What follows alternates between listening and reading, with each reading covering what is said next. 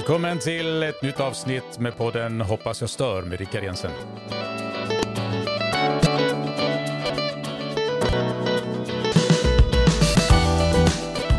Ja, så var det dags igen. Nu är det ojämn vecka när det här spelas in och kommer upp i etern höll jag på att säga, eller när du kan lyssna på det. Rickard Jensen heter jag, podden heter alltså Hoppas jag stör och det finns ju en tanke bakom det uttrycket där vi vill uppmärksamma och kanske röra om lite grann, ifrågasätta och på olika sätt eh, medverka till tankar som kan få, ja, som kan få eh, ha som mål en förändring.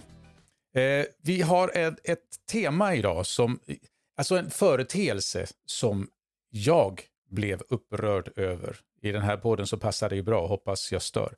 Om jag säger två stycken namn, nämligen Karl-Erik Sellberg och Elise Lindqvist, vad tänker du på då? En sak har de gemensamt och det är Santa Claras kyrka uppe i Stockholm. Eh, Karl-Erik Sellberg var präst där under många år och han har varit med och startat ett eh, stort socialt arbete som pågick både i kyrkan och ute på torget eh, uppe i Stockholm, på Plattan, Sergels torg. Och Elise Lindqvist har ju förekommit i många sammanhang. Hon var ju i sin i den yngre delen av sitt liv, höll jag på att säga, så var hon prostituerad och, och fick leva och utleva ett eh, hemskt liv faktiskt. Hon fick utstå mycket. Var väldigt sargad, men hittade tillbaka till livet eh, i, den, i, i, en gudstro faktiskt som och där möts hon och Karl-Erik Sellberg och Elise jobbade under 25 år har hon arbetat på Malmskillnadsgatan uppe i Stockholm med att nå prostituerade och räcka dem en hjälpande hand. Och hon fick också kungens pris för inte så länge sedan. 85 år och hon är fortfarande aktiv.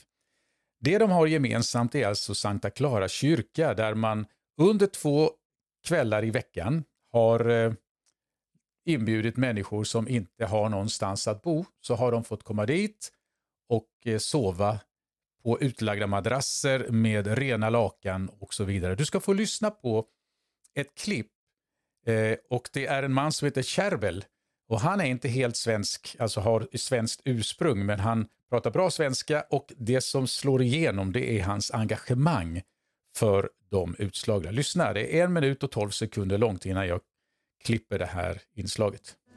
Charbel, vi står här på nattöppet. Kan du berätta vad det här är för någonting? Jo, precis som du sa, nattöppet. Men med andra ord, det är Gud som öppnar sitt hus här för sina hemlösa vänner att ha någonstans att övernatta. Och hur länge har det här pågått? Ja, det är ju ett antal år sedan, sedan 2013-14. Och det började med att eh, man lärde känna några eh, tilltufsade hemlösa som övernattade i centralstationen och där får man inte ligga rak lång. Och efter ett tag så slutar blodet eh, cirkulera bra i kroppen och då, två av dem fick amputera benen. Och då kom vi på att vi kan hjälpa dem på det sättet att vi öppnar en till två nätter i veckan här så att de kan vila ut och kroppen eh, får, får återhämta sig. Så när är det öppet här? Det är måndagar och torsdagar eh, varje år under vintersäsongen. Och är det öppet för alla? För alla. Alla är skapta till Guds avbild. Får vem som helst komma in? Ja, vem som helst får komma in men inte vad som helst. Alla är välkomna men allt är inte välkommet. Alkohol och eh, narkotika eh, är förbjudet här. Mm, du hörde kanske där att det var stilla natt i bakgrunden. För det här är inspelat i december månad 2021. Kerbel heter han alltså. Han står mitt i Klara kyrka och man ser madrassen när man tittar när de har inslaget. Jag sitter med ett YouTube-klipp här som man får använda enligt eh, det som står på deras klipp. Eh, det, det, då ligger madrasserna ute och det här är precis innan det kom ett beslut om att så här får det inte gå till i Klara kyrka. Vi kan inte ha det så här. Det började med att man fick det till att det är en försäkringsfråga. Arbetet har alltså pågått, som Kärvel också sa här, sedan 2013-2014. Eh, så det, är ganska, det har några år på nacken och blivit väldigt utbrett eh, och omskrivet faktiskt. Det är en av de saker som jag hade, som jag beundrade hos eh, Sankta Clara kyrka, det här arbetet som var väldigt vad ska man säga, det var ju behjärtansvärt. Och du hör hans, när han pratar om det här så, så lyser det ju igenom den entusiasm och det engagemang som, som Kärbel verkligen har. Eh, det här beslutet att lägga ner det, det här arbetet, att de inte får sova längre nu, det är konsekvenserna, det kom ifrån en försäkringsfråga. Men det finns de som tvivlar på att det verkligen var en försäkringsfråga ifrån början och att det är det som är till gru i, i grunden. En av dem som, den som har tagit det här beslutet, det är domprosten i Stockholm. Marika Mar Markovic heter hon. Hon anklagas nu för att ha tagit, ett politisk, tagit politisk hänsyn till beslutet att stänga ner Klara kyrkas härberge. Hon säger bland annat så här, eh, hon eh, skrev ett svar till, eller skrev till Santa Clara kyrka och hon förklarar där sin uppfattning att varken församlingen eller föreningen ytterst är ansvarig för att människor har tak över huvudet i Stockholms innerstad. Det är Stockholms kommuns ansvar, skriver alltså domprosten i Stockholm som då heter Marika Markovic. Och det kan man ju tycka. Erfarenheten, jag menar offentligt så heter det ju så att eh, det är kommunen som ska se till detta. Men all erfarenhet från många, många, många år säger att det räcker inte till. Det engagemanget som, som kommunen har och det ansvar som kommunen har, det täcker inte de behov som finns. Bara en sån sak, det är en förenkling av hela den här situationen menar jag.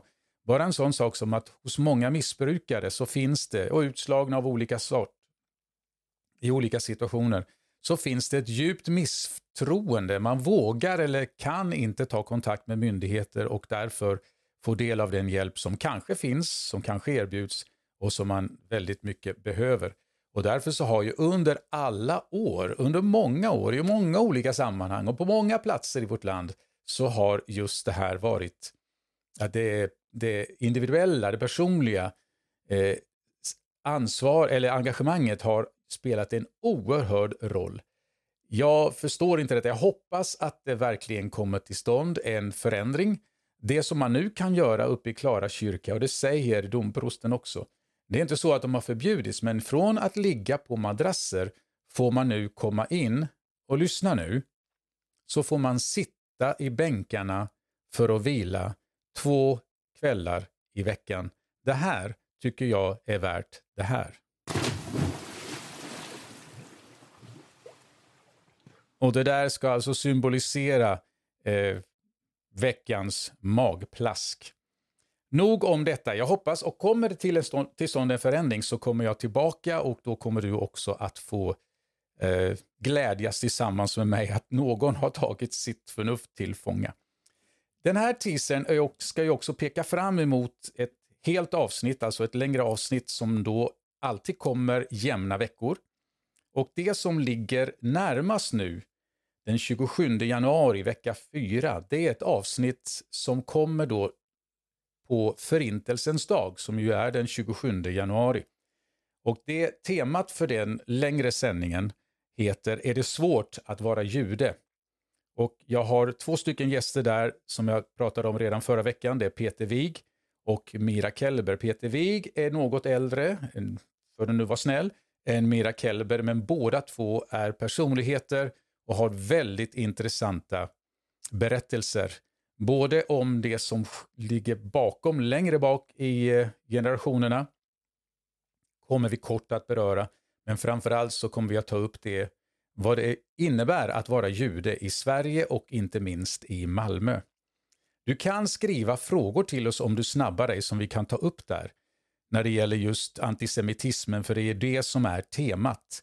Eh, och då ska du skriva till hoppas jag stor, inga prickar över stör, utan hoppas jag stor, eh, snabel gmail. Och på tal om Gmail, eh, jag vet inte om du hörde förra veckan, så jag, jag sa det här på engelska, fick jag till det då. Och så tänkte jag, men hur säger man då på svenska den, den eh, e-postadressen, efternamnet så att säga där. Och så gick jag in och tittade och 40% av alla som säger eh, Gmail säger just Gmail.